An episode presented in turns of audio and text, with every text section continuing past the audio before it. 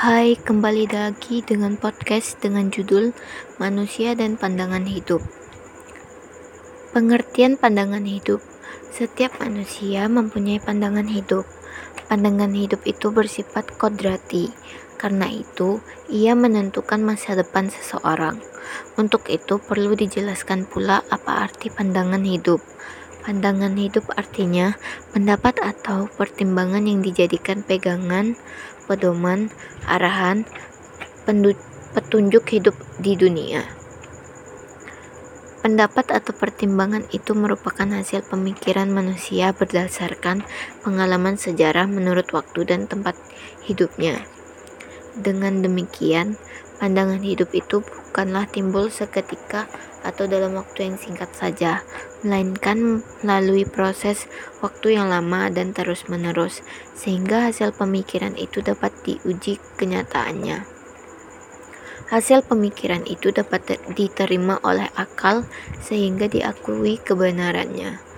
Atas dasar ini, manusia menerima hasil pemikiran itu sebagai pegangan, pedoman, arahan, atau penunjuk yang disebut pandangan hidup. Pandangan hidup banyak sekali macamnya dan ragamnya, akan tetapi pandangan hidup dapat diklasifikasikan berdasarkan asalnya yaitu terdiri dari tiga macam. Yang pertama yaitu pandangan hidup yang berasal dari agama yaitu pandangan hidup yang mutlak kebenarannya. Yang kedua yaitu pandangan hidup yang berupa ideologi yang disesuaikan dengan kebudayaan dan norma yang terdapat pada negara tersebut. Yang ketiga yaitu pandangan hidup hasil renungan, yaitu pandangan hidup yang relatif kebenarannya. Apabila, apabila pandangan hidup itu diterima oleh sekelompok orang sebagai pendukung suatu organisasi, maka pandangan hidup itu disebut ideologi. Jika organisasi itu pol, organisasi politik, ideologinya disebut ideologi politik. Jika organisasi itu negara, maka ideologi, ideologinya disebut dengan ideologi negara. Pandangan hidup pada dasarnya mempunyai unsur-unsur yaitu cita-cita, kebajikan, usaha, keyakinan, atau kepercayaan. Keempat unsur ini merupakan suatu rangkaian kesatuan yang tidak dapat dipisahkan.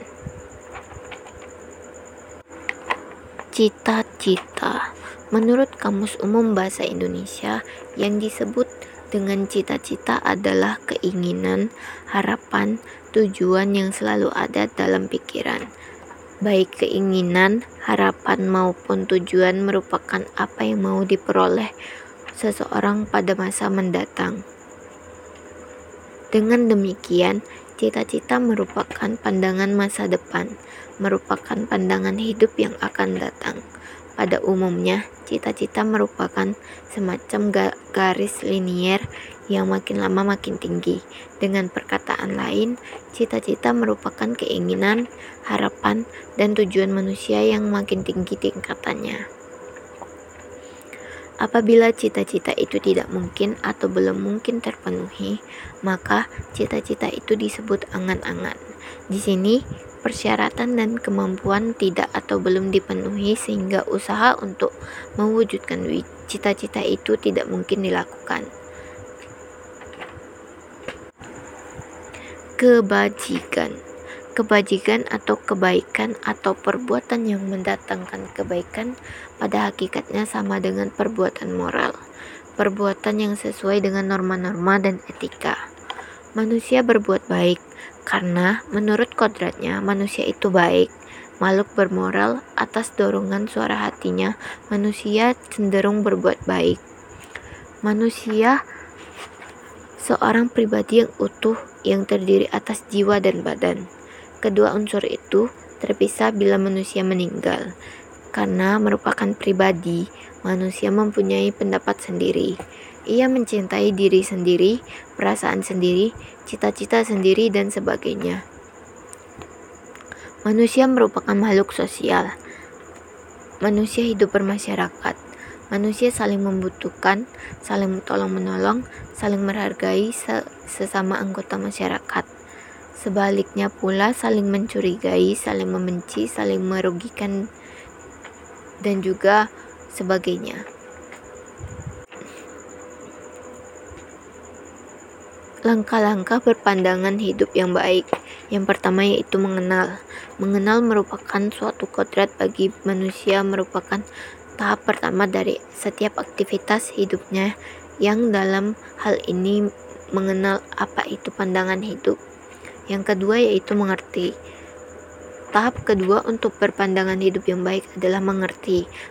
Mengerti di sini dimaksud mengerti terhadap pandangan hidup itu sendiri.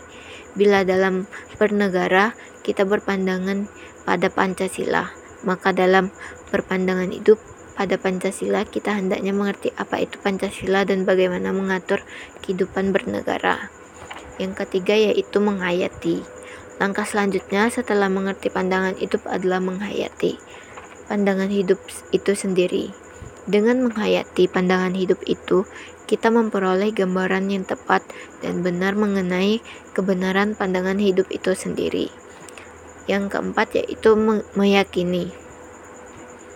Setelah mengetahui kebenaran dan validitas baik secara kemanusiaan maupun ditinjau dari segi kemasyarakatan maupun negara dari kehidupan di akhirat, maka hendaknya kita meyakini pandangan hidup yang telah kita yakini itu. Yang terakhir yaitu mengabdi.